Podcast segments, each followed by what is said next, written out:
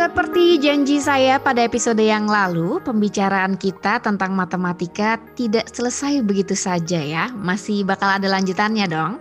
Teman-teman pasti masih pada penasaran kan ya sama matematika. Emang pelajaran yang satu ini nih sering bikin kita penasaran gak sih ya?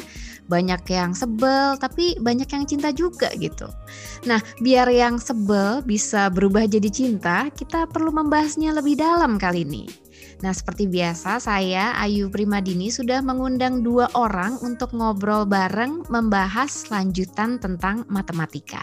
Halo Yu, halo teman-teman. Saya Ellen Christie dari Semarang. Nah, iya Mbak Ellen. Dulu termasuk tim suka matematika atau benci matematika nih? Pilihannya cuma dua ya. aku tuh suka nggak enak hati loh kalau ditanya begini. Soalnya tuh kadang denger ada yang suka matematika aja tuh sebagian orang bisa merasa terintimidasi kayaknya. Berarti termasuk suka ya? ya itu termasuk salah satu pelajaran favoritku sih. Wah keren. nah teman ngobrol kita yang satu ini sih dijamin juga dulunya kali pelajaran favoritnya matematika pasti ya. tapi beliau ini bukan seorang praktisi CM tapi merupakan praktisi matematika yang levelnya udah wah expert banget gitu. Mm-mm. Ya, beliau ini dosen matematika di ITB. Hmm. Namanya Pak Ahmad Muklis. Mm-mm beliau ini mendapatkan gelar PhD matematika dari mm -hmm. University of Wisconsin Madison. Wow. Itu sudah tahun 91 loh, yuk. Wow. wow. Terus Pak ngapain ya itu? ya pasti masih benci matematika kan. masih. Terus Pak Muklis ini pernah jadi pemimpin tim Olimpiade Matematika Indonesia pada Olimpiade Matematika Internasional dari tahun 2002 sampai 2005 terus 2007 juga. Pokoknya kalau ada Olimpiade Matematika ini Pak Muklis ini sering terlibat ya di dalamnya ya. Expert banget nih pastinya ya. Tapi tenang ya teman-teman, bahasan kita tetap bakal santai kok. Ini kayak kita lagi ngobrolin matematika di kedai kopi gitu ya. Jadi santai. Kita bakal menggali lebih dalam dari sudut pandang seorang pakar matematika sekaligus juga menggali pengalaman beliau tentang gimana sih sampai bisa segitu jatuh cintanya sama matematika. Tentu juga bakal ada tips-tips dong ya, gimana sih biar anak-anak bisa jadi lebih cinta matematika? Segera simak aja wawancara kami dengan beliau berikut ini.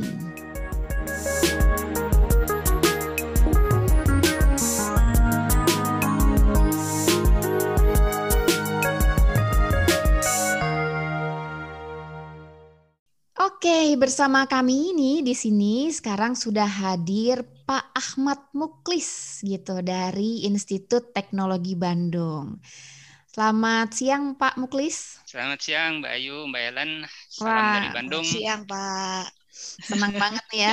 Kita meski berbeda-beda kota tetap bisa berjumpa secara udara ya, di, berjumpa di udara. Iya mungkin hikmah pandemi gitu ya. Uh -uh, betul betul. iya nih senang banget nih Pak Muklis bersedia bergabung untuk ngobrolin matematika bersama kami nih ya di sini. Penasaran juga sih Pak soalnya kadang-kadang kita nih uh, ada orang-orang seperti Pak Muklis ini yang mendalami matematika sampai sekian dalam gitu kan sampai wah apa ya jadi profesi hidupnya jadi untuk matematika uh, uh, gitu. jadi kehidupannya untuk matematika gitu ya Pak. Kenapa sih Pak itu alasannya dulu sampai bisa berkarir di bidang matematika seperti ini tuh punya aha Ceritanya. momen nggak sih dulunya? Uh, dulu waktu saya masuk ke ITB itu kan kami kan masuknya kan fakultas MIPA ya. Mm-hmm. Dan itu uh, belum belum apa belum memilih bidang gitu sebetulnya. Tapi sesudah uh, setahun kami uh, sesudah satu tahun belajar gitu tanpa hmm. bidang tertentu gitu kan baru kemudian dipersilahkan untuk memilih. Waktu setahun itu kemudian saya bisa pakai untuk mencoba mengenali diri saya, bisa mengenali minat gitu ya. Ya akhirnya saya pikir kayaknya matematika yang cocok hmm. dengan saya gitu. Mm-hmm. Sebenarnya juga pada waktu di SMA juga uh, matematika yang salah satu pelajaran yang memang saya apa uh, ya paling baik lah di situ. Berarti saya suka matematika sejak SMA tuh pak? Ah uh, ya sukanya gimana ya? Bukan bukan barangkali juga belum sampai cinta sih. ya nilai matematika saya bagus sih di suka sih akhirnya. Dan saya pikir itu keputusan yang apa uh, tidak akan saya sesali gitu hmm. poin paling penting tuh ya pak ya. Tidak ya. menyesali keputusan.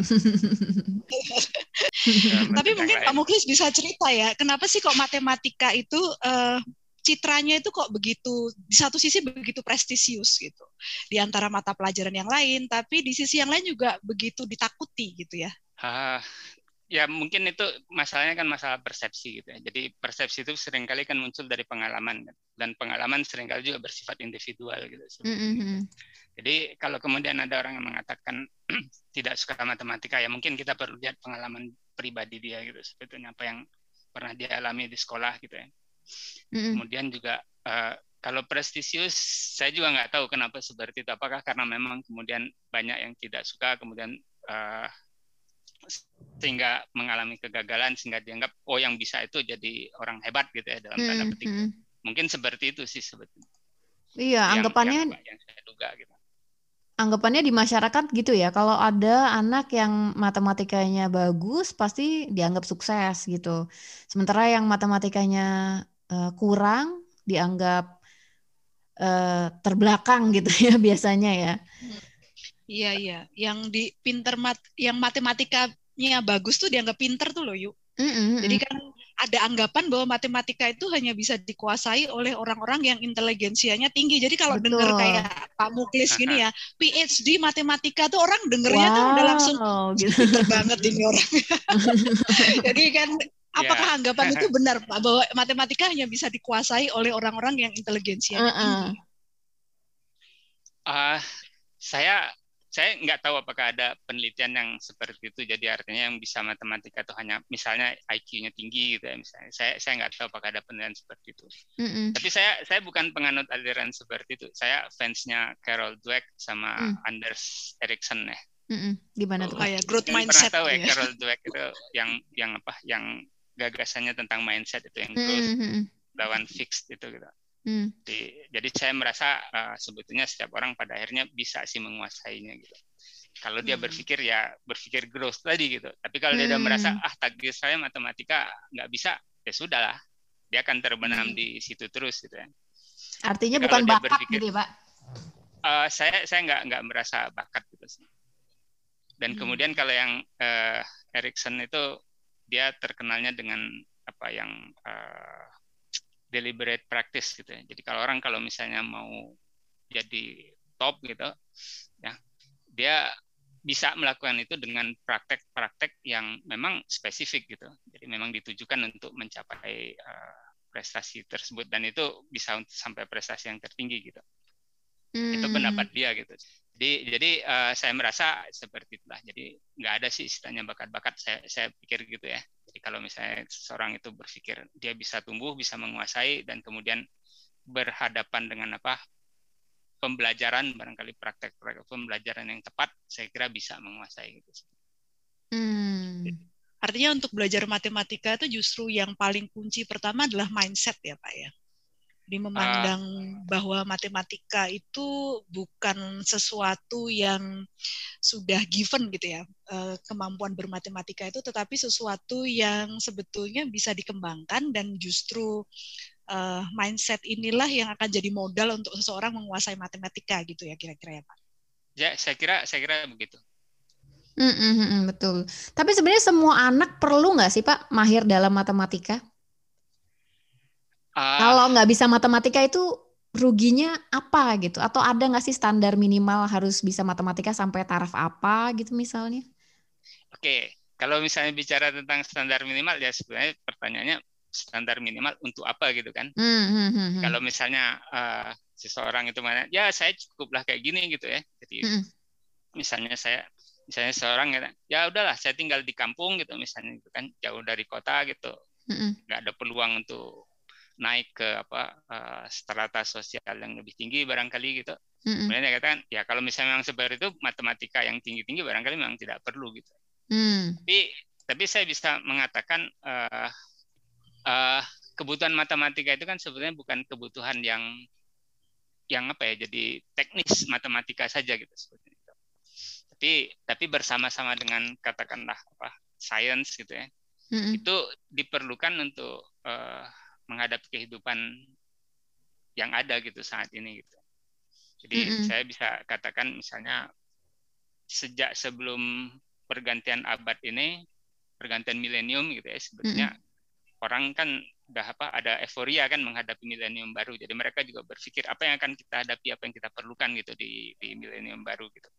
Mm. Nah, di Amerika itu uh, akademisinya jadi top-top apa saintis segala macam itu berpikir mereka mengatakan oh familiarity dengan apa yang sekarang kita kenal sebagai STEM gitu ya, mm -hmm. science, mm -hmm. teknologi, engineering dan mathematics itu diperlukan gitu mm. hidup di di abad yang baru ini. Dan yang mereka katakan itu sebetulnya bukan hal-hal yang teknis, tapi mereka katakan perlu STEM itu untuk berpikir kritis tentang dunia gitu. Okay. Kemudian untuk melihat uh, keputusan untuk membuat keputusan-keputusan gitu ya, secara apa? Secara inform, jadi secara uh, secara apa ya, secara terdidik gitu ya. Jadi jadi keputusan yang well informed gitu, ya. keputusan berdasarkan informasi, berdasarkan pengetahuan tentang isu-isu pribadi maupun isu-isu kemasyarakatan. Jadi, jadi uh, kalau saya melihat sih pada akhirnya kebutuhan untuk matematika itu mungkin tidak tidak berdiri sendiri sih sebetulnya. Jadi bersama-sama dengan kebutuhan untuk yang lain juga. Hmm, hmm, hmm, Dan saya pikir itu kita rasakan ya sebetulnya. Jadi sekarang juga kalau kita mau beli kayak beli HP aja gitu kan, hmm. kita mesti ngerti sedikit banyak kan tentang tentang HP, tentang teknologi gitu dan sebagainya gitu. Jadi di satu sisi uh, ada unsur kontekstual ya, kebutuhan bermatematika itu akan tergantung pada anak itu ada di mana pelajaran matematika apa yang dibutuhkan, skill matematika apa yang dibutuhkan tergantung misalnya dia anak petani mungkin hmm. akan beda dengan yang anak nelayan. Um, skill bermatematikanya yang dibutuhkan gitu ya kalau aku berusaha memahami apa yang disampaikan Pak Muklis kan yeah. tergantung standar minimalnya saat tergantung pada konteks kebutuhannya di mana dia di lokasinya lokasinya yeah. dia juga ya iya ya, cuman cuma cuman yang, begini begini kalau misalnya saya bisa jelaskan lebih jauh gitu. Ya. oke lah seseorang itu barangkali memang dia tinggal di apa di uh, ya dia merasa tidak tidak punya peluang apa apa gitu ya. tapi kita kan bicara tentang masa depan kan sebetulnya dan masa depan itu kan kita nggak pernah tahu gitu Hmm. Seseorang yang katakanlah dia tinggal di desa gitu, tiba-tiba pada suatu ketika dapat kesempatan misalnya untuk jadi bupati barangkali gitu mm-hmm. atau hmm. jadi anggota DPR gitu mm-hmm. dan pada dan pada saat-saat seperti itu dia harus mengambil keputusan yang yang apa yang yang tadi gitu yang yang yang baik gitu kan mm-hmm. Karena berdasarkan pengetahuan gitu jangan sampai ntar ada orang datang gitu dari kota kemudian datang ke dia kemudian dia mengatakan gini gini gini gini kemudian ya termakan gitu kan. Padahal uh, ya barangkali itu pepesan kosong gitu sebetulnya kan. Mm -hmm. jadi jadi pada akhirnya uh, ya saya juga kan kadang-kadang melihat itu. Orang kan mengatakan buat apa sih belajar matematika tinggi-tinggi? Kan saya cuma sampai di sini aja gitu. Eh tunggu dulu dong. Kamu merasa sampai di sini itu kan pada saat ini. Karena barangkali kamu nggak punya harapan. Tapi siapa tahu gitu loh.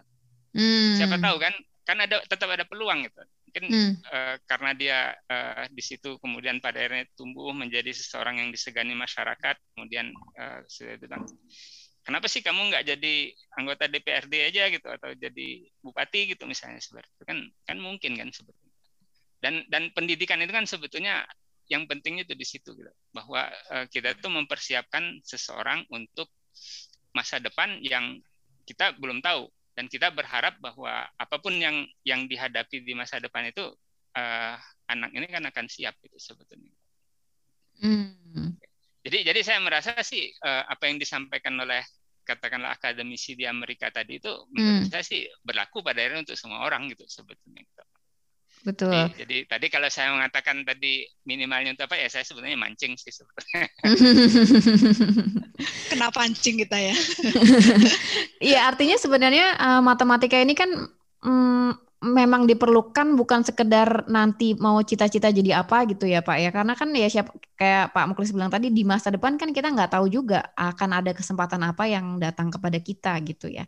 Yeah. Jadi sebenarnya apa ya karakter macam apa sih yang disiapkan oleh matematika ini kepada seorang anak sehingga nanti dengan memiliki uh, skill matematika gitu mungkin ya nanti di masa depan dia sehingga siap menghadapi profesi apa pun gitu misalnya.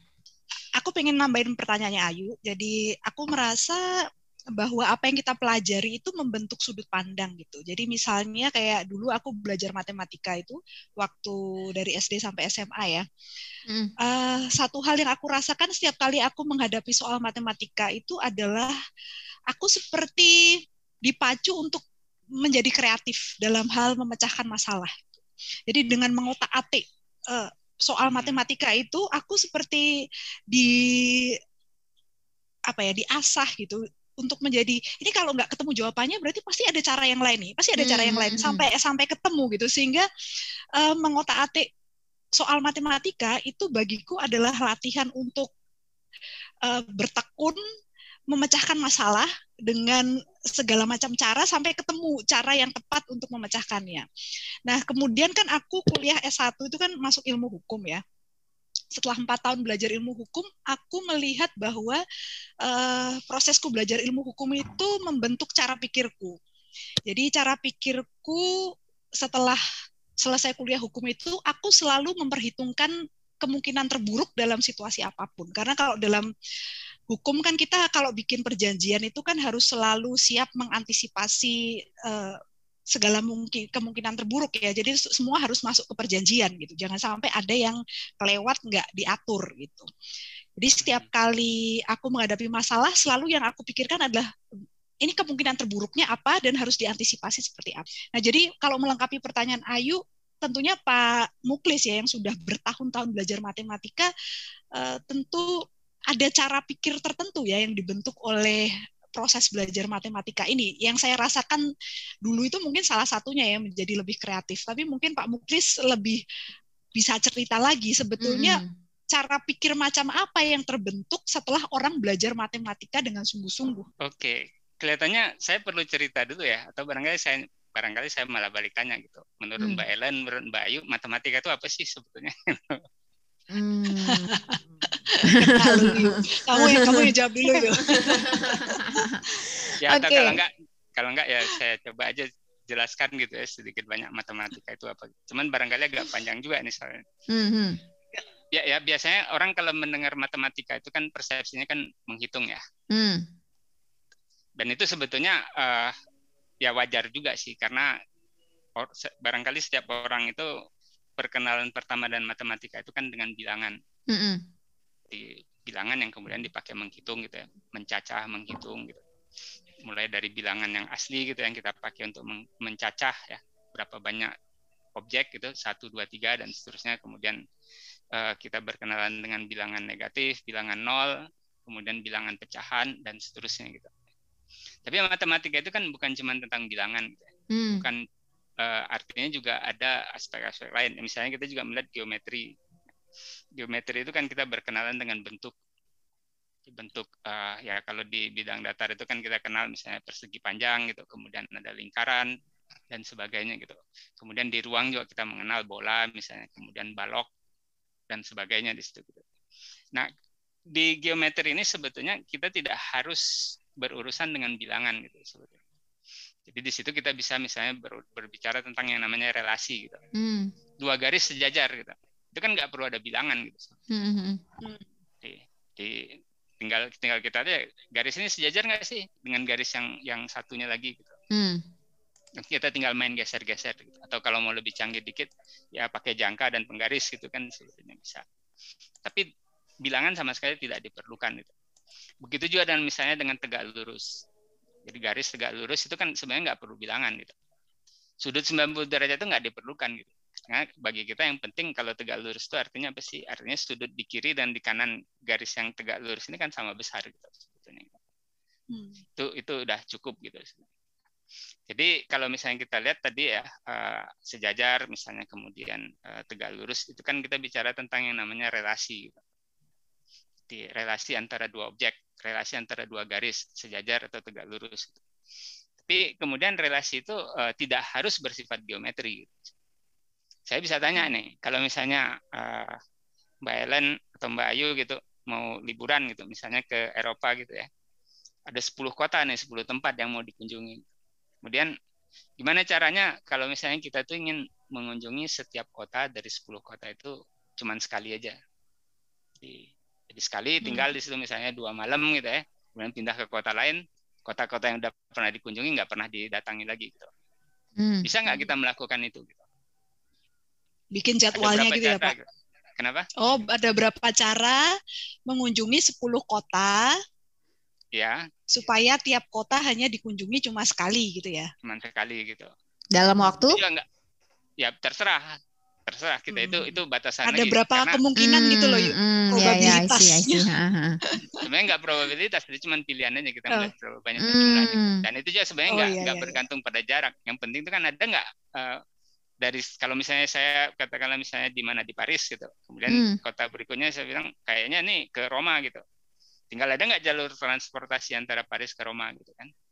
Hmm. Jadi, jadi itu juga sebenarnya juga kita tidak memerlukan bilangan gitu. Cuman kita hmm. cuman lihat ada atau tidak ada kan.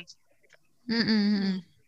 Nah, kemudian kalau kemudian kita mau bisa lebih canggih, ya dari sekian banyak pilihan ini mana yang mana yang paling baik gitu. Barangkali misalnya biayanya paling murah. Nah, itu soal yang berikutnya lagi karena ini sudah melibatkan bilangan. Tapi untuk yang menentukan ada atau tidak nih jalan yang seperti itu gitu ya kita bisa mengunjungi yang pertama ada atau tidak dulu gitu jangan-jangan kita nggak mungkin gitu jangan-jangan kalau misalnya kita pergi ke satu kota kita harus uh, pergi ke satu titik dulu yang istilahnya apa hub gitu ya hmm. Jadi barangkali hubnya apa sih ya mungkin tiket kita karena diberikan oleh uh, maskapai tertentu gitu oh harus lewat Amsterdam gitu misalnya barangkali ya kalau misalnya seperti itu ya jadi nggak mungkin gitu kan seperti itu. Nah, Artinya misalnya, itu pun termasuk matematika ya Pak? Ya termasuk matematika. Hanya kan. hanya memilih kota itu pun sudah termasuk matematika ya? Ya memilih urutan ya jadi pada hmm. Karena kalau misalnya 10 kota itu katakanlah diberikan, Mbak Ellen mau ke mana aja sih? Oh dibuat daftarnya 10 kota. Kemudian tanya, bisa nggak hmm. nih kita mengunjungi kota-kota ini tepat satu kali? Hmm. Nah orang biasa kan nggak akan melakukan seperti itu. Paling-paling akan melakukannya kan travel agent gitu kan. Hmm. hmm oh iya hmm. iya iya tapi itu itu itu itu uh, juga satu masalah matematika juga gitu dan hmm. sebetulnya masalah yang cukup cukup uh, besar juga karena 10 kota barangkali masih sederhana lah gitu ya mungkin kita masih bisa pakai tangan gitu atau pakai tapi kalau kemudian uh, persoalannya bukan persoalan mengunjungi kota gitu tapi persoalan yang lain dan kemudian titik-titik yang katakanlah dalam tanda petik yang harus kita kunjungi itu udah katakanlah ratusan ribu gitu misalnya gitu. hmm. gitu. oh itu persoalannya udah udah persoalan yang lebih pelik gitu sebetulnya gitu.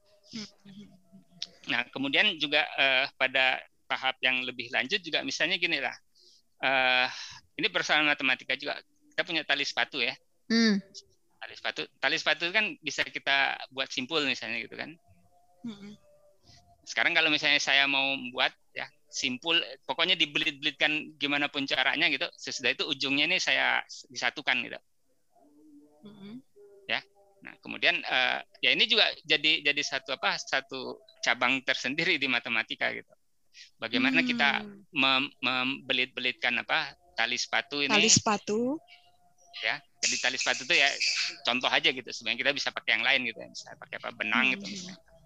Bagaimana kita membelitkannya kemudian menyambungkan kedua ujungnya gitu. Kemudian pertanyaannya, ini sebetulnya dari sekian banyak jadi kalau misalnya Mbak Ayu melakukan satu apa satu proses membeli tertentu kemudian Mbak Ellen melakukan ini sebenarnya pada dasarnya gitu ya. Apakah ini barang yang sama sih sebetulnya hasil yang diperoleh oleh Mbak Ellen dan Mbak Ayu? Hmm. Jadi, jadi artinya apakah uh, sebetulnya ini ya nggak ada bedanya sih, cuman barangkali ada urutannya barangkali yang berbeda gitu misalnya. Tadi hmm. belinya yang yang Mbak Ellen ini dulu, uh, Mbak Ayu belakangan melakukannya gitu, misalnya seperti itu. Nah itu itu juga satu apa uh, satu uh, menghasil, memberikan apa satu bidang matematika yang yang nggak ada bilangannya juga gitu sebetulnya. Kita nggak nggak akan menjumlahkan atau mengalihkan dan sebagainya di situ. Cuman cuman melihat apa dua dua objek dua bentuk seperti itu. Artinya itu, matematika itu sangat dekat dengan keseharian kita sebenarnya ya pak ya? Uh, ya nggak selalu sih karena kemudian begitu nah ini ini yang barangkali satu hal yang juga kalau orang dengar matematika itu kan salah satu yang mereka kata ah, abstrak banget sih gitu. Hmm. Ya karena apa yang tadi saya katakan ini tali sepatu gitu ya. Ini kan kita membelit-belitkannya kan bisa berapa kali? Bisa sekali, bisa dua hmm. kali, bisa hmm. tiga kali, tapi bisa juga sejuta kali kan? Hmm. Nah, kalau udah matematika kita bilang ya kita nggak nggak nggak nggak ingin bicara tentang sejuta kali, kita bicara n kali aja gitu. Hmm. N itu bisa berapa aja gitu ya udah itu hmm. itu kemudian masuk ke ranah yang apa katakan ya kemudian jadi jadi abstrak gitu ya karena sudah uh, lepas barangkali dari realita yang bisa dibayangkan gitu sebetulnya hmm.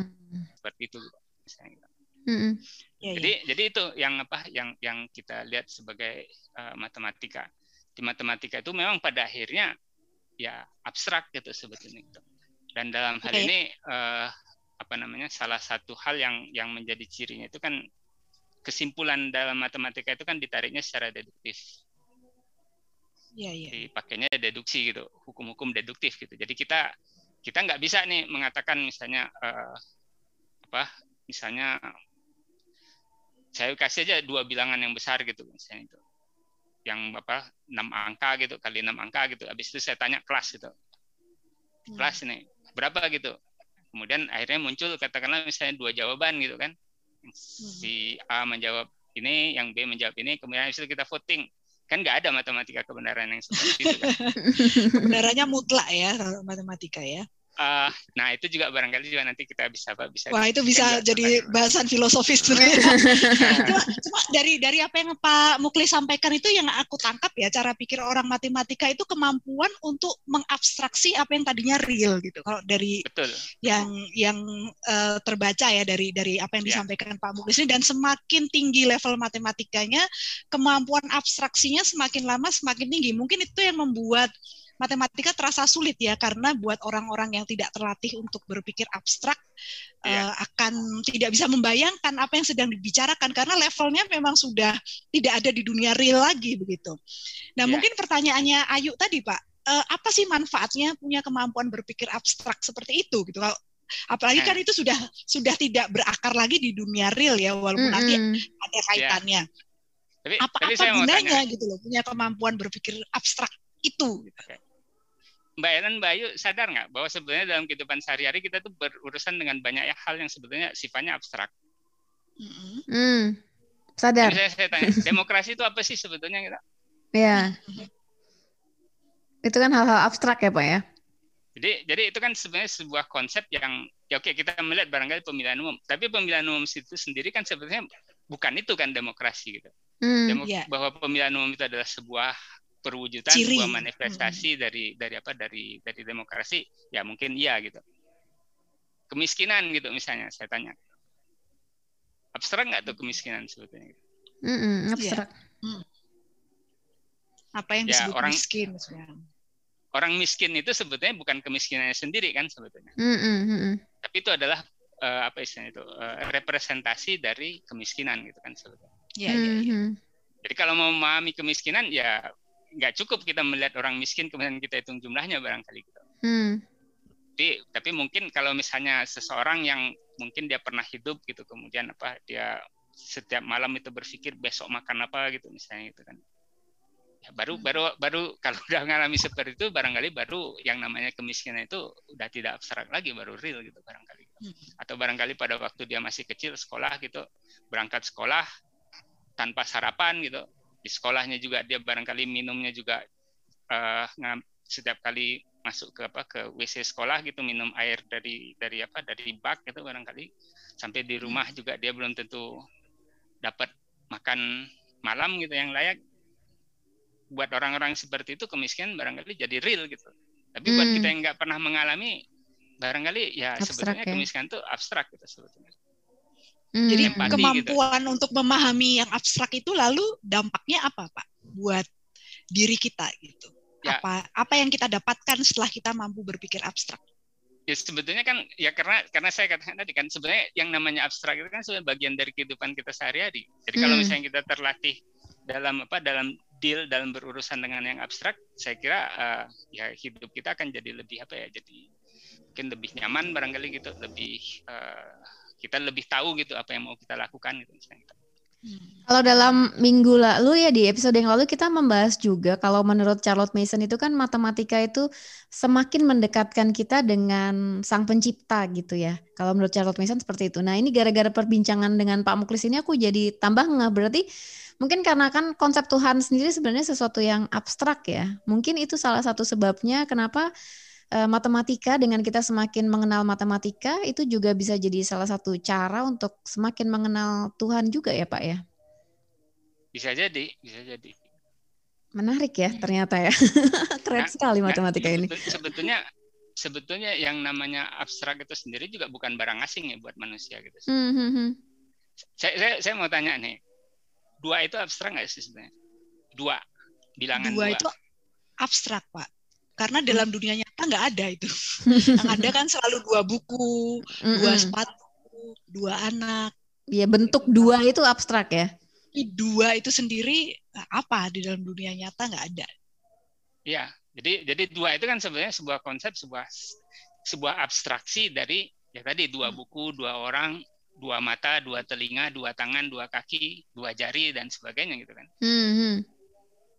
Itu kan proses yang sesuatu yang sebenarnya abstrak yang kemudian pada akhirnya uh, sifat abstraknya itu hilang. Gitu, jadi, jadi kalau hmm. misalnya kita lihat bagaimana seseorang itu mengenal konsep dua kan mulai dari balita ya.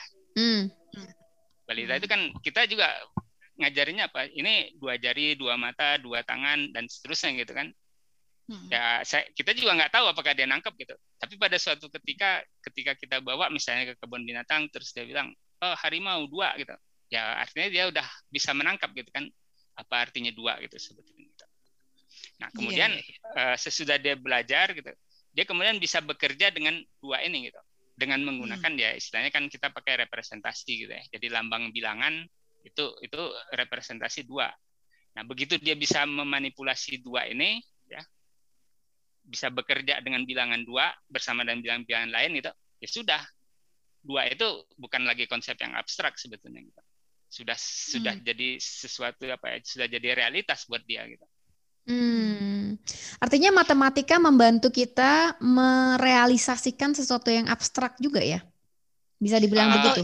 Dengan kata lain mungkin memperluas realitas kita sih. Hmm. Jadi apa yang kalau orang tidak kenal bilangan dua, maka dia betul-betul terikat pada barang per barang kan. Uh, dan kemudian dia tidak tahu cara memanipulasi ya istilahnya atau apalah istilahnya yeah. me menggunakan barang itu dengan cara yang lebih rumit begitu. Tapi begitu dia memahami matematika, bilangan ya misalnya tambah kurang kali bagi gitu, maka kemudian dia bisa uh, membuat realitasnya itu menjadi lebih lebih rumit dan lebih apa ya? Apa istilahnya, Pak? uh, ya lebih lebih advance saja barangkali ya. lebih hmm. lebih lanjut gitu ya sebetulnya. Hmm. Dan dan saya hmm. kira juga salah satu hal yang mungkin dari belajar matematika itu juga kita juga bisa apa uh, lebih apa ya lebih peka gitu terhadap yang namanya makna gitu. Hmm. Jadi kan tadi kalau misalnya demokrasi gitu, eh kita nih ngomong semua orang ngomong demokrasi kita ngomongin barang yang sama nggak sih sebetulnya gitu kan? Mm-hmm. kan kadang-kadang kan kita seperti itu kan kita menggunakan istilah yang sama gitu ya. Tapi sebetulnya konsep yang yang apa uh, yang yang yang ditangkap oleh setiap orang itu bisa jadi berbeda gitu kan. Nah, mm. kalau kita belajar matematika kita akan lebih lebih saya kira akan lebih aware gitu akan lebih sadar akan hal-hal tersebut gitu ya.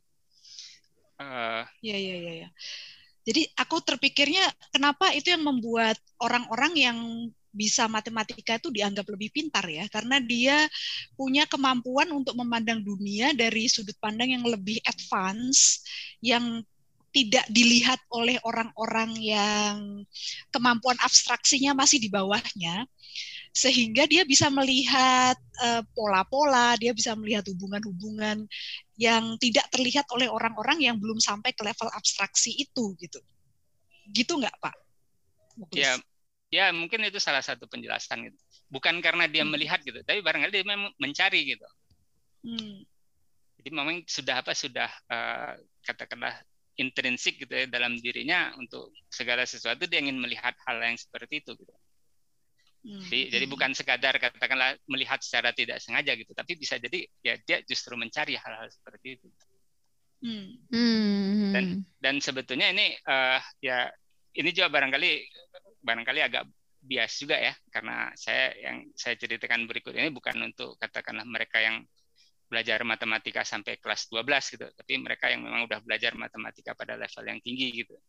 Itu hmm. uh, kan pekerjaan matematika itu kan sebenarnya juga cukup luas gitu. Mereka bisa bekerja tidak hanya di lingkungan pendidikan, tapi juga bisa bekerja di industri gitu, hmm. di bidang-bidang jasa misalnya. Nah, uh, tahun 1996 itu salah satu organisasi profesi matematikawan di Amerika itu mengadakan survei. Jadi mereka bertanya kepada orang-orang yang uh, bekerja di luar lingkungan akademik di luar katakanlah di luar dunia matematika yang apa yang yang ya di luar jurusan matematika lah gitu misalnya. Bertanya juga kepada pemberi kerja gitu ya tentang tentang matematika di tempat tersebut gitu. Nah, eh, yang yang yang muncul bahwa matematika memberikan atau orang-orang matematika itu memberikan kontribusi gitu di sana itu dalam lingkungan yang multidisiplin gitu. Apa kontribusinya itu?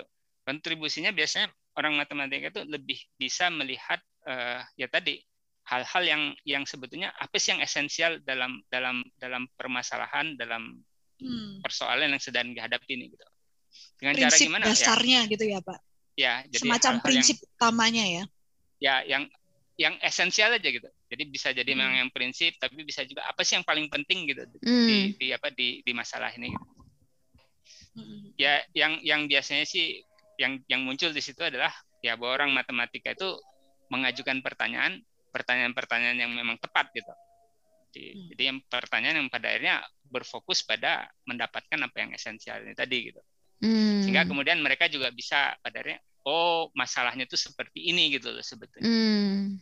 Kan kadang-kadang kan orang datang aja ini yang yang diceritakan kan sebenarnya uh, sesuatu yang sifatnya barangkali gejala gitu.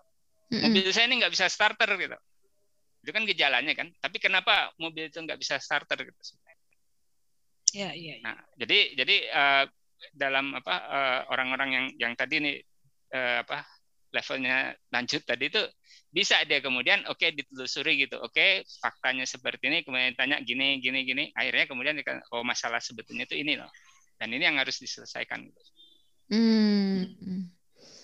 Ya, Ini ya, mirip ya. seperti zaman dulu sih para para filsuf itu kan biasanya matematikawan. Iya betul. Dan uh, para filsuf itu mengatakan bahwa dunia ini tersusun dari angka gitu. Ada hmm. dalam arti bahwa dunia ini dibangun atas dasar prinsip-prinsip matematika gitu. Sehingga kalau uh, orang memahami matematika sebetulnya dia memahami cara kerja dunia. Kurang lebih begitulah anggapan para filsuf. Cara kerja alam semesta bahkan ya. Yeah. Jadi kalau tadi Ayu bilang bahwa uh, matematika mendekatkan kita kepada Tuhan, kalau aku malah melihatnya dari percakapan kita siang hari ini ya bahwa dengan matematika itu seperti kita melihat dari sudut pandang Tuhan. Hmm semakin tinggi level matematika kita, kemampuan kita mengabstraksi melihat sesuatu dari dari sesuatu yang makin tidak hanya sekedar objek empiris ya, tapi betul-betul ke level ide, abstrak, ya, esensial gitu.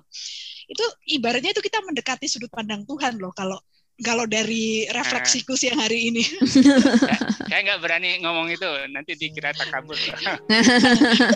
Enggak Pak, kalau kalau dalam filsafat itu ke, uh, orang orang berani berspekulasi, Pak. Jadi uh, kita membayangkan saja kira-kira spekulasi uh, kalau manusia dengan level matematika yang tinggi bisa berpikir begitu esensial, uh, itu pasti Tuhan di atasnya gitu. Jadi mendekati Tuhan ya, lah okay. gitu, Pak. Okay. Iya menarik ya, tapi ya memang uh, ternyata matematika bisa segitu dalamnya ya betapa sesuatu yang abstrak ini uh, sangat dibutuhkan sebenarnya dalam kehidupan kita sehari-hari ya. Nanti di segmen 2 kita mau ngobrolin soal gimana sih sebenarnya proses belajar matematika supaya kita uh, bisa mencapai tujuan yang tadi memang kita cita-citakan.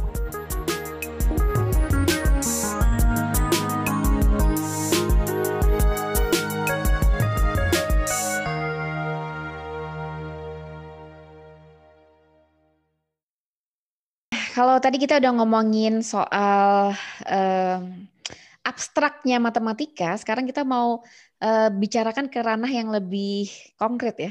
Lebih konkretnya dalam arti soal belajar matematika. Belajar matematika ini kan suatu hal yang kayak tadi aku bilang di awal ya, banyak orang yang merasa ini benci gitu dengan matematika. Bahkan uh, ada juga anak-anak yang mungkin secara nilai matematikanya bagus, menang olimpiade gitu. Tapi ternyata kalau ditanya apakah dia cinta sama matematika, ternyata sering kali jawabannya tidak gitu kan. Nah, menarik nih Pak Muklis nih. Kenapa kok bisa seperti itu ya? Apakah proses pengajarannya yang salah atau bagaimana sih seharusnya pembelajaran matematika seharusnya terjadi gitu? Ya, uh, kalau misalnya ada yang katakanlah nilainya baik, kemudian dia tanya sebetulnya nggak mencintai matematika, ya kita juga perlu lihat itu sebetulnya kasus itu kan sangat apa in, uh, personal ya, individu gitu, personal hmm. gitu. Karena bisa jadi juga dia uh, dapat nilai bagus karena apa? Karena ada hadiah gitu kan dari orang tuanya gitu. Ah, berubah jadi motivasi karena ya. dorongan dari dalam hmm, gitu. Hmm, hmm, hmm. Jadi ada hal-hal yang yang seperti itu ya tapi saya juga nggak tahu apakah memang kita menginginkan orang itu mencintai matematika gitu atau barangkali ya hubungannya ya cukuplah pokoknya asal kenal. Hmm. Tapi kalau aku melihat dari yang dijelaskan Pak Muklis di segmen satu tadi, aku merasa bahwa sebenarnya kita cinta pada matematika itu suatu hal yang dibutuhkan ya Pak ya? Ah, uh, oke, okay. saya nggak berani bilang gitu. Jadi kira kalau saya, saya melihatnya jadi gitu nih. Saya jualan jadinya gitu. jualan tapi tapi saya merasa bahwa ya kemampuan matematika yang uh, untuk hal-hal tersebut ya diperlukan gitu ya sebetulnya. Istilah mencintai matematika itu aku pikir perlu di elaborasi dikit ya apa mencintai matematika okay. itu kalau Seperti yang apa gitu ya aku bayangkan yang aku rasakan lah dulu waktu waktu sekolah itu uh, aku merasakan asiknya gitu loh asiknya menggarap soal matematika. Entah itu istilahnya mencintai atau tidak. Atau kalau para filsuf itu kan melihat indahnya matematika. Kalau di CM sendiri, eh, CM kan mengatakan bahwa kalau orang eh, mencintai matematika itu kan dia bisa merasakan keindahan matematika itu kan. Jadi kurang lebih seperti para filsuf itu. Nah, kurikulum yang disampaikan sekolah apakah apakah bertujuan ke sana? Mungkin itu yang yang perlu kita pertanyakan gitu. Kapankah seseorang sampai bisa ke taraf bisa melihat keindahan matematika itu? Ya sebetulnya yang dirasakan Mbak Ellen tadi apa tadi asik dengan apa uh, menyelesaikan soal matematika gitu ya. Itu sebetulnya juga sesuatu yang ya kalau misalnya kita lihat ke apa uh, anak-anak yang ikut olimpiade gitu ya mereka juga merasakan hal yang sama gitu hmm. semakin sulit soalnya semakin semakin penasaran. Ya, semakin tertantang gitu jadi, jadi uh, itu yang yang apa namanya uh, yang barangkali perlu perlu tumbuh gitu ya. Bahwa sesuatu yang katakanlah sulit gitu ya sesuatu yang katakanlah tidak bisa segera kita selesaikan gitu itu adalah sesuatu yang yang menantang ya barangkali juga bukan belum sampai keindahan lah keasikan barangkali tadi gitu ya sesuatu yang mm-hmm. merasakan kesenangan itu itu itu aja barangkali udah cukup gitu, dan sebetulnya kalau misalnya kita lihat menghadapi tantangan ini kan sebetulnya juga salah satu naluri manusia kan sebetulnya gitu. tapi kemudian dalam proses pertumbuhan gitu barangkali yang seperti ini justru dihilangkan gitu ya karena mungkin hmm. orang tuanya jangan jangan jangan jangan. Terlalu banyak jangannya gitu. Hmm. sehingga sesuatu yang sebetulnya menantang yang tadi sebetulnya katakanlah bisa bisa mengasihkan buat anak ini ya kemudian jadi jadi mati gitu. Jadi tidak tumbuh. Jadi, hmm. jadi sebetulnya itu salah satu hal yang saya pikir uh, perlu tumbuh gitu ya. Bahwa uh, dalam mempelajari matematika ya, ketika kita menghadapkan matematika kepada kepada anak gitu kepada siswa itu harus ada aspek tantangannya gitu. Hmm. Dan anak-anak yang bisa sampai ke level olimpiade itu eh, kalau yang Pak Muklis amati mereka mengalami proses belajar matematika yang seperti apa sebelumnya sehingga mereka kemudian di satu sisi juga menikmati proses mengerjakan soal-soal yang menantang itu.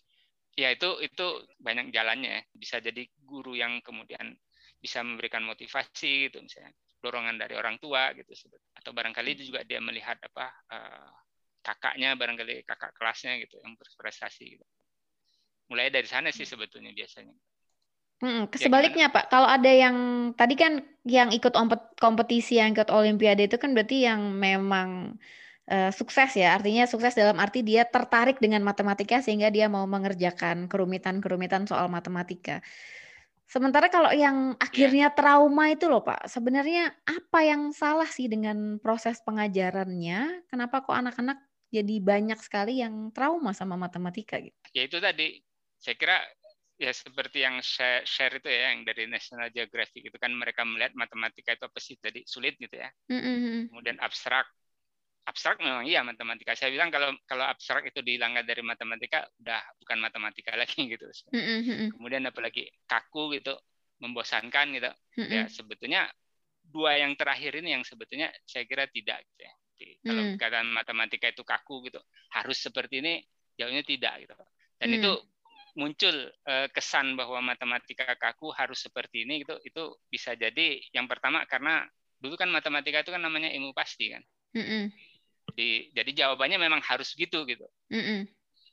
Tapi uh, kemudian yang kedua juga ya karena penekanan pengajarannya barangkali ya seperti itu. Ini soal, ini rumusnya kamu kerjakan, jawabannya harus seperti ini gitu.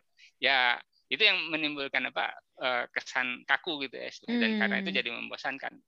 Jadi benci Tapi misalnya ya, kita lihat ya. gini, uh, ya akhirnya kemudian ya ngapain sih belajar yang kayak gini gitu kan? Mm -hmm. uh, mungkin pernah dengar istilah diagram Venn ya. Jadi kalau kita me menggambarkan himpunan itu kan, mm-hmm. kan pakai diagram Venn istilahnya. Biasanya kan orang menggambarkan diagram Venn itu kan pakai lingkaran-lingkaran gitu kan untuk menyatakan mm. satu himpunan. Atau kadang-kadang pakai persegi panjang gitu. Tapi sebetulnya eh, apakah harus pakai lingkaran, pakai persegi panjang gitu? Ya sebetulnya tidak gitu, karena yang penting tuh satu himpunan itu digambarkan dengan sebuah apa? Sebuah uh, kurva gitu ya, sebuah lengkungan yang yang tertutup dan tidak saling berpotongan gitu ya, kecuali di hmm. ujungnya aja gitu. Ya, jadi kalau gitu kita bisa aja dong menggambarkan himpunan itu di diagram Venn itu menggunakan apa? simbol hati gitu misalnya gitu. Hmm.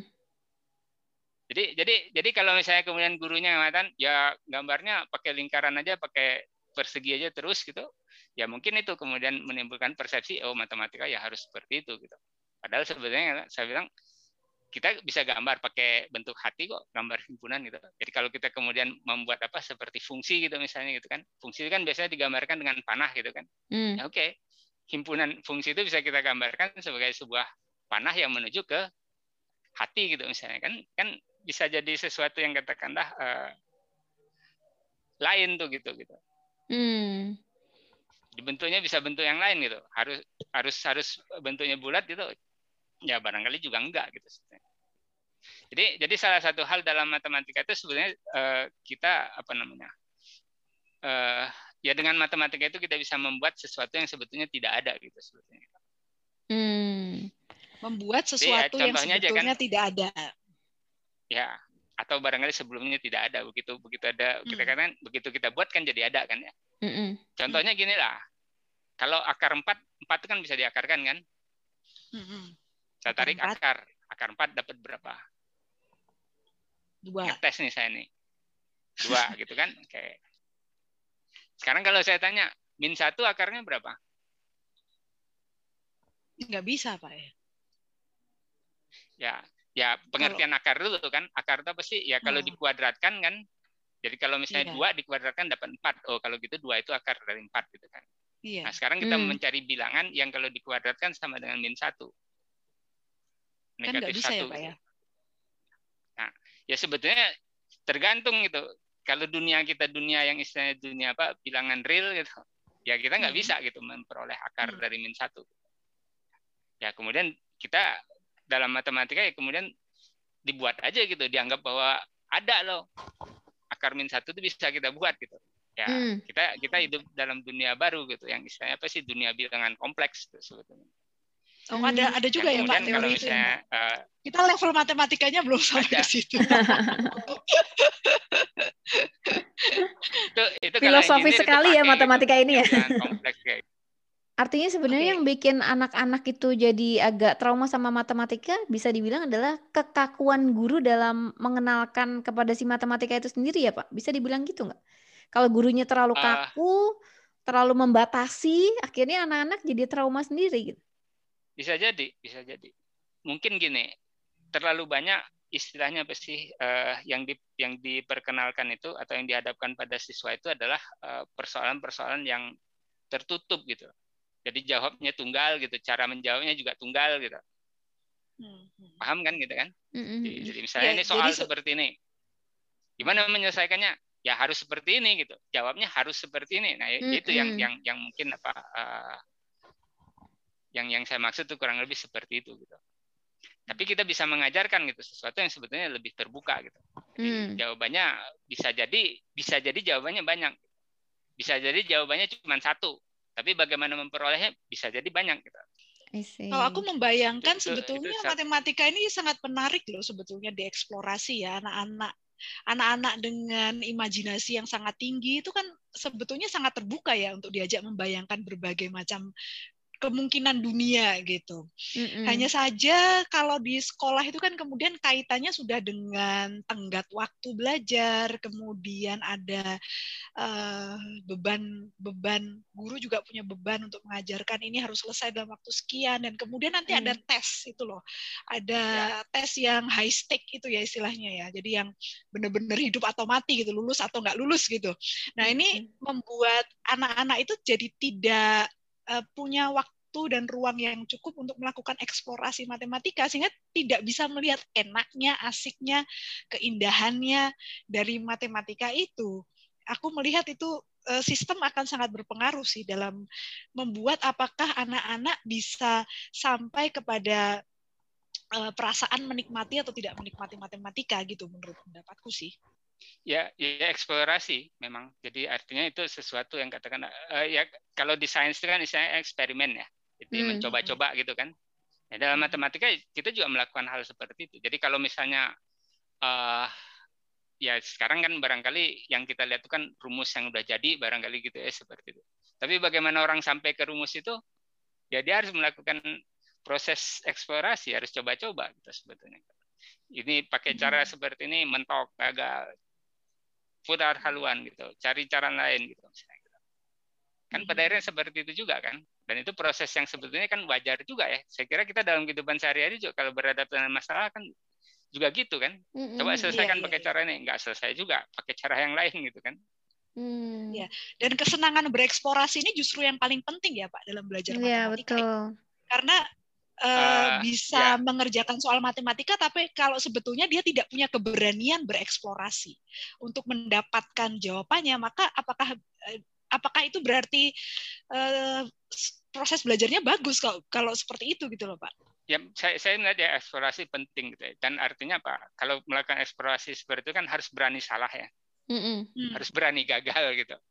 Mm -mm. Nah ini juga salah satu hal yang barangkali juga kalau kita lihat gitu, kegagalan itu dianggap sebagai aib di sana. Gitu. Ya, ya, ya. Kalau misalnya nggak bisa, kemudian jadi aib gitu. Itu itu juga sebetulnya hmm. juga uh, punya efek yang negatif ya sebetulnya dalam belajar. Hmm. Kalau kita mau bereksplorasi gitu, mencoba-coba, kemudian gagal, ya kegagalan itu sesuatu yang biasa kok mestinya gitu kan. Hmm. Padahal Karena belum lagi dia dituntut dengan waktu ya Pak ya. Sementara eksplorasi itu kan butuh okay. ruang waktu ya. Uh, barangkali sebetulnya juga salah satu hal lain yang itu adalah guru itu ingin mengajarkan semuanya gitu. Hmm. Di, jadi itu juga yang kemudian menjadi apa menjadi satu persoalan gitu dan barangkali juga kemudian siswanya juga mengha mengharapkan jadi gurunya mengajarkan semuanya gitu. itu yang yang hmm. kemudian jadi seperti apa uh, telur dengan ayam gitu kan mm-hmm. kalau gurunya, maksudnya gurunya saya, terlalu menuntun gitu pak guru terlalu menuntun siswa gitu Ya. sehingga yeah. siswa terlalu bergantung kepada gurunya gitu atau gurunya ingin mengajarkan banyak hal sekaligus mana yang maksud dimaksud oleh Pak Muklis yang mana? Yang yang kedua sih sebenarnya yang pertama itu guru barang guru merasa bahwa dia harus mengajarkan ini semua. Ini ada ada materi, ada topik gitu kan. Jadi hmm. buku itu harus di cover dari dari depan sampai belakang itu dan itu semua harus di, hmm. di bicarakan gitu sebetulnya. Kemudian uh, karena memang sudah bagaimana Pak?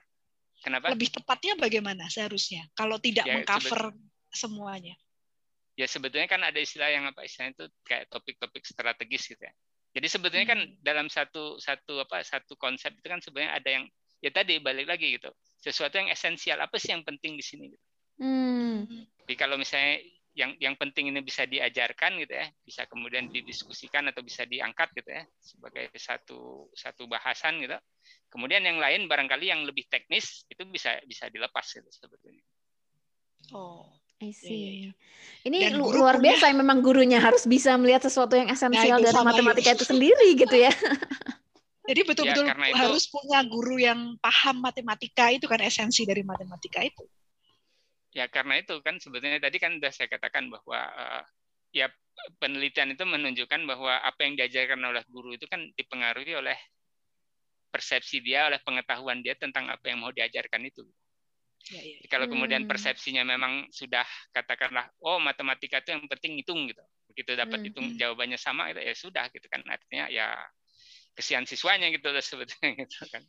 Iya iya. Ya, ya, nah ya. kemudian kalau misalnya siswa itu sudah terbiasa belajar seperti itu, gitu, ya kemudian akhirnya dia akan mengharapkan gitu bahwa kalau kemudian misalnya dia di awal gitu, kita misalnya dua kelas pertama gitu ya, selalu seperti itu di kelas tiga kan dia mengharapkan itu juga, dia akan nunggu gitu.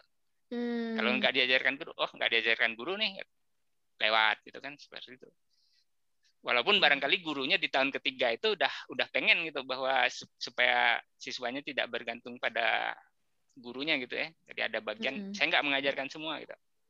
Ya bisa jadi karena siswanya udah terbiasa gitu, ya dia barangkali sudah susah berubah juga gitu. Karena saya saya pikir juga salah satu hal yang saya temukan itu kan gini, uh, belajar di katakanlah di perguruan tinggi itu kan sebenarnya berbeda di sekolah gitu ya. Jadi mm. artinya tuntutan kita menuntutnya sudah lebih tinggi kan. Jadi artinya kayak kayak seperti kalau kita naik kelas itu kan ada sesuatu yang baru gitu kan. Nah, mm. sekarang kalau misalnya siswa itu mahasiswa gitu yang saya hadapi itu kalau dia kemudian merasa ah saya dengan belajar di SMA aja saya udah bisa masuk ITB gitu ngapain saya berubah gitu hmm. kan repot gitu kan hmm, hmm, hmm, jadi, jadi, ada hal-hal yang yang apa apa jadi artinya sebenarnya salah satu peran guru itu juga mungkin itu menarik siswa mengeluarkannya dari zona nyamannya gitu hmm. dan kemudian membuat dia bahwa keluar dari zona nyaman itu ternyata mengenak, menyenangkan gitu barangkali. Oh ternyata saya bisa melihat hal-hal yang baru gitu misalnya kan. Hmm. Itu PR gurunya ya Pak jadi. ya itu tantangan lah buat gurunya gitu sebetulnya.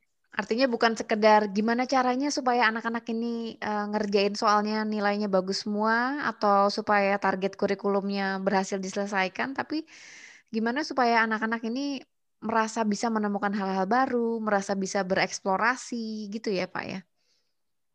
ya barangkali itu sebenarnya tujuan yang lebih tingginya ya.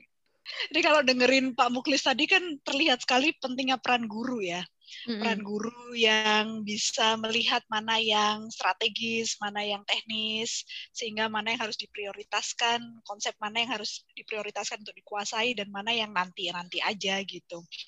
Nah, kalau di kalangan homeschooler nih Pak Muklis, kan ya. kurikulum yang bisa dipilih itu kan banyak gitu. Kurikulum ya. belajar matematikanya kan jadi tidak lagi tunggal seperti yang ada di sekolahan kan bisa ya.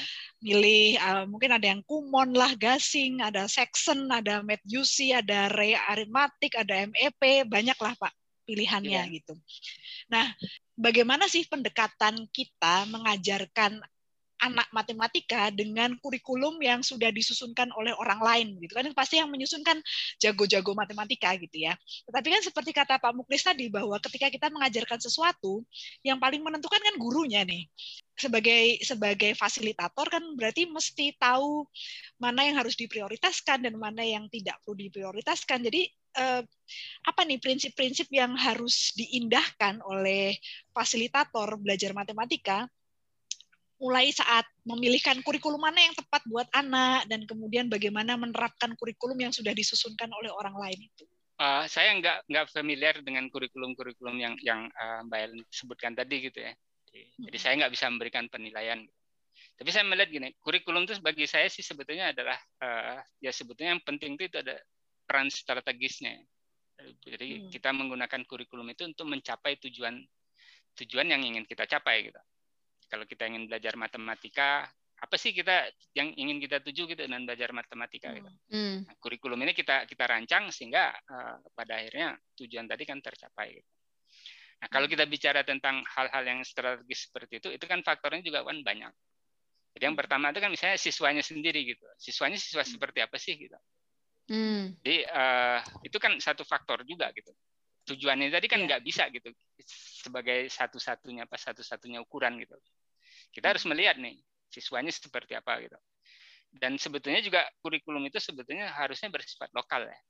Jadi, hmm. jadi uh, ya saya saya mengatakan sebetulnya undang-undang Sisdiknas yang berlaku ini kan sudah tidak mengenal kurikulum tunggal. Kurikulum nasional itu sebenarnya sudah tidak ada. Hmm yang yang membuat kurikulum, yang mengembangkan kurikulum itu kalau kita baca di undang-undang itu adalah kesatuan pendidikan, sekolah gitu sebetulnya. Sekolah itu yang berwenang gitu. Jadi dia dia akan membuat kurikulum ya bergantung nih. Siswa siswa saya seperti apa sih gitu. Gurunya seperti apa gitu. Fasilitas yang tersedia apa gitu. Atau kalau dia mau pakai kurikulum tertentu gitu ya dia lihat aja faktor-faktor yang yang mempengaruhi ini apa gitu. Bisa nggak dia menyediakan? Oh, kalau kurikulum seperti ini gurunya harus begini gitu fasilitasnya harus seperti ini. Bisa nggak dia mengadakan? Tuh? Kalau nggak bisa ya jangan pakai kurikulum itu dong, pakai kurikulum yang yang berbeda gitu. Hmm. Jadi, jadi itu yang yang apa yang uh, perlu diperhatikan kalau kita uh, berbicara tentang yang namanya kurikulum gitu ya. Nah yang juga penting itu kan sebetulnya salah satu prinsip ini prinsip dalam pendidikan juga gitu sebetulnya bahwa kita tuh mengajarkan seseorang mengajari seseorang itu kan bertolak dari apa yang dia miliki gitu. Kalau misalnya kita bicara misalnya mengajarkan matematika tapi ceritanya tentang kereta api ngajarnya di Kalimantan gitu barangkali nggak pas gitu kan. Karena di Kalimantan nggak ada kereta api gitu kan. Hmm. ini contoh yang apa yang mungkin rada nggak kontekstual gitu ya sederhananya seperti itu gitu. Jadi jadi sesuatu yang memang kita kita harus harus apa memulainya itu dengan sesuatu yang familiar. Kemudian kita memberikan tantangan gitu berdasarkan apa yang di yang sudah familiar ini tadi tantangan ini tadi bisa tercapai gitu. Jadi bisa diraih gitu ya jadi artinya. Dan dengan itu kan dia naik gitu ya. Dan uh, satu hal yang barangkali harus dihindari gitu ya yang namanya matematika itu bukan hanya sekadar eksekusi prosedur gitu. Hmm. kan selama ini sering kali ya matematika itu kan dilihat oke okay, ini persamaan kuadrat gitu kan. Persamaan kuadrat ini penyelesaiannya pakai rumus gitu kan. Seperti ini selesai gitu ya itu yang yang kemudian apa ya jadi jadi tidak pas gitu. Karena pada akhirnya kalau kita belajar matematika itu yang yang yang ingin dijawab juga itu adalah kenapa sih jawabannya seperti ini gitu? Ada cara lain nggak yang lebih mudah gitu? Kenapa kamu harus pakai cara seperti ini? Itu itu pertanyaan-pertanyaan itu harus dipandang sebagai pertanyaan yang wajar gitu ketika kita belajar matematika gitu Nah, kemudian satu lagi yang juga penting itu tadi kalau misalnya kita kaitkan dengan hal yang apa katakanlah familiar itu dan barangkali supaya dekat dengan realitas gitu ya. Saya sih melihatnya yang namanya soal cerita itu penting gitu ya. Hmm. Jadi saya kira kalau uh, apa ya? Jadi kalau kita memperkenalkan sesuatu dalam matematika bisa nggak kita memulainya dengan sebuah kasus gitu ya, kasus kasus cerita gitu. Jadi yang sesuatu yang sifatnya verbal gitu. Nggak hmm. langsung ujuk-ujuk uh, coba selesaikan persamaan ini ya nggak seperti itu gitu. Kalau misalnya yeah, kita yeah, bisa yeah. memberikan soal yang cerita gitu ya, yang anaknya ngerti gitu ya, yang dia familiar dengan apa dengan dengan konteks cerita dengan dengan apa dengan dengan permasalahan di sana dia dia bisa tangkap saya kira itu kan akan akan sangat baik gitu sehingga dia juga bisa melihat hmm. oh iya matematika itu sedikit banyak ada apa ada ada manfaatnya gitu ada gunanya gitu itu yeah, yang yeah. yang apa dan uh, saya kira itu sebetulnya juga kalau misalnya kita lihat di lingkungan pendidikan kita di sini di Indonesia itu kan juga cukup kenal ya yang namanya apa uh, lesson study gitu hmm. bawaan dari Jepang sih hmm. sebetulnya hmm. dan dan uh, kalau di Jepang itu kan mereka membuat soal yang akan menjadi pemicu gitu ya yang akan disampaikan di awal pertemuan gitu yang akan menjadi apa menjadi bahan eksplorasi oleh siswa gitu itu dipersiapkan betul gitu oleh hmm. guru-guru, oleh kelompok guru-guru ya. Bukan cuma kadang-kadang uh, kita di sini juga sering kali kan gurunya kerja sendiri gitu. Iya, iya. Iya, iya, iya. Ini menarik banget ya emang ya kalau ngomongin matematika nih ya. Uh, artinya matematika tuh dalam banget gitu ya sebenarnya ya. Sedalam filsafat juga gitu ya rasanya ya. Ini kayaknya kita nggak bakal cukup nih kalau kita ngomongin cuma satu podcast begini, satu episode, dua episode yang lalu gitu ya. Ini pastinya sih ke depan kayaknya kita uh, bakal melanjutkan lagi ya obrolan tentang matematika ini ya. Silakan, saya juga nggak tahu Filsafat matematika. nah, itu itu nanti ceritanya jadi beda tuh. Jadi beda cerita ya Pak. Beda cerita.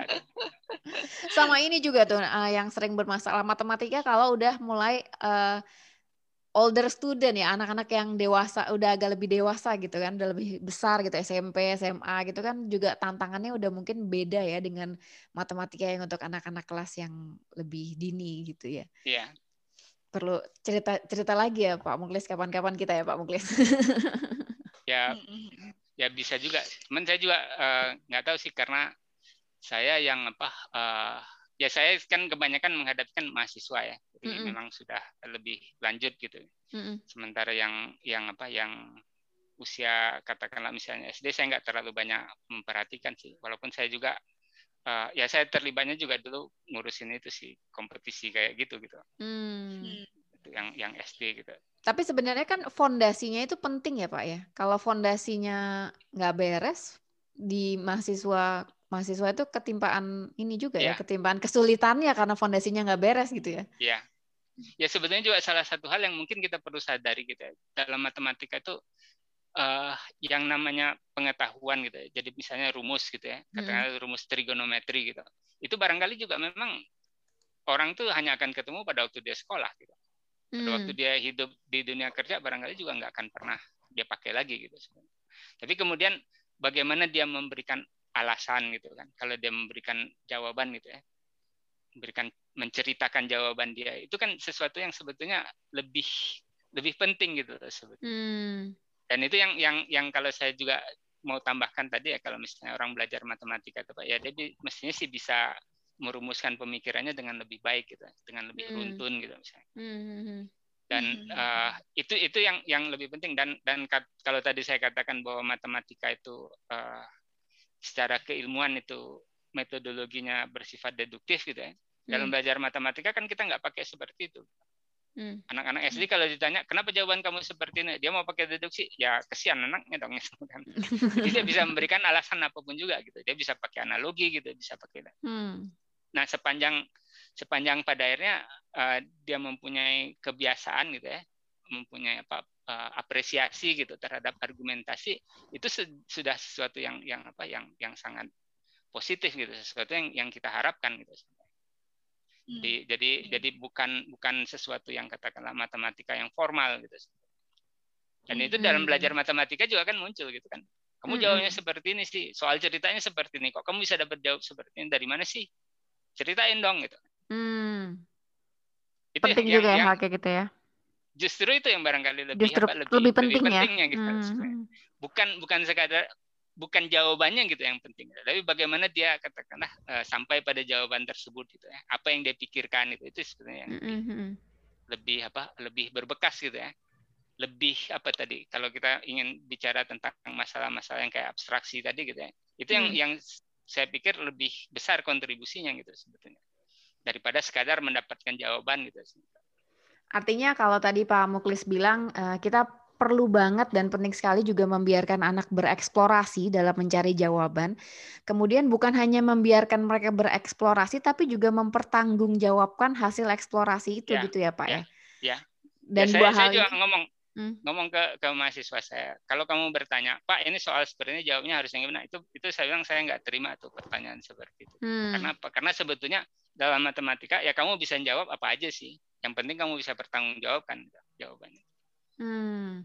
Bukan sekedar ngafalin rumus ya, poin paling penting ya Pak ya. ya. Artinya yang harus dikuasai justru cara mempertanggungjawabkan hmm. suatu ya, jadi jadi eh, argumen uh, atau uh, betul. Itu itu yang justru itu yang yang sulit kan untuk untuk uh, memapankan atau mengokohkan kemampuan untuk tahu dengan cara apakah suatu jawaban harusnya diargumentasikan gitu. Mm-hmm. Ya dan dan uh, ya sebetulnya itu kan salah satu hal apa ya yang yang yang yang perlu dibiasakan bertanya ya. Mm. Jadi, jadi artinya kan itu kan kalau kita meminta kamu jelaskan itu kan kan sebenarnya kita bertanya kan kita mempertanyakan kan. Ya anak harus biasa kan dengan yang seperti itu. Iya betul. Dan, dan bukan cuma gurunya yang bertanya kan, anaknya juga pada kan bisa bisa bertanya kan. Sebelum dia ditanya guru, kadang harus bertanya pada dirinya sendiri kan. Mm -mm. Nah kalau kemudian uh, anak-anak itu uh, bertanya jadi hambat gitu misalnya kan, kamu bertanya aja terus ya nggak akan tumbuh tuh kemampuannya. Yuk, ini mengingatkan aku pada prinsip narasi juga sebetulnya. Jadi ketika anak mendapatkan jawaban matematika, dia harus bisa menarasikan dalam bahasa matematika ya, Matematis. ya dalam simbol-simbol matematika dengan dengan prosedur matematika menarasikan bagaimana dia bisa mendapatkan jawaban itu. Mm -hmm, betul. Balik lagi ke situ juga ya, menarasikan hasil uh, eksplorasi tadi itu ya. Mm -hmm. Betul penting. Oke, ini kayaknya uh, seru banget ya emang bahasan tentang matematika ini ya. Dan kalau bisa disimpulkan dari awal sebenarnya memang uh, yang perlu diubah dan digali lebih dalam tuh ketika kita mau menemani anak-anak belajar matematika, baik guru maupun orang tua adalah tujuannya sendiri ya. Tujuannya itu kita perlu clearkan dulu ini anak-anak belajar matematika untuk untuk tujuan apa sih gitu ya. Kemudian setelah itu uh, sebagai guru ataupun fasilitator kita juga penting untuk punya growth mindset ya. Jadi bukan hanya uh, mengikuti apa yang ada di kurikulum mungkin, bukan hanya memenuhi target-target tertentu, tapi penting juga buat kita untuk punya mindset yang terus berkembang supaya bisa nemenin anak-anak dalam mempelajari, bereksplorasi ya, poin pentingnya tadi bereksplorasi terhadap matematika ini ya. Begitu ya. Terima kasih banyak ya Pak Muklis dan Mbak Ellen hari ini sudah Oke, ikutan ngobrol-ngobrol. Nanti kapan-kapan kita pasti akan seru nih ya ngobrolin lagi tentang matematika. Iya. Ya, saya ya. juga berterima kasih diundang uh, ikut podcast ini gitu. Iya, kami apalagi dan teman-teman pendengar juga pasti uh, jadi lebih terbuka wawasannya tentang matematika. Jadi uh, ngobrolin momok matematika itu bukan suatu hal yang apa ya? Bukan suatu hal yang tabu gitu kan. Ketika kita sudah tahu lebih paham lagi tentang matematika, jadi sesuatu hal yang uh, mudah-mudahan menjadi lebih uh, realistis ya, lebih dekat dengan kenyataan dan lebih mudah untuk dijalankan. Oke teman-teman, terima kasih sudah mendengarkan episode ke-41 kita hari ini. Pastinya nanti kapan-kapan kita akan nyambung lagi ya di episode tentang matematika di masa depan di episode-episode berikutnya. Saat ini uh, saya Ayu Primadini mundur diri dulu dari hadapan teman-teman. Sampai jumpa.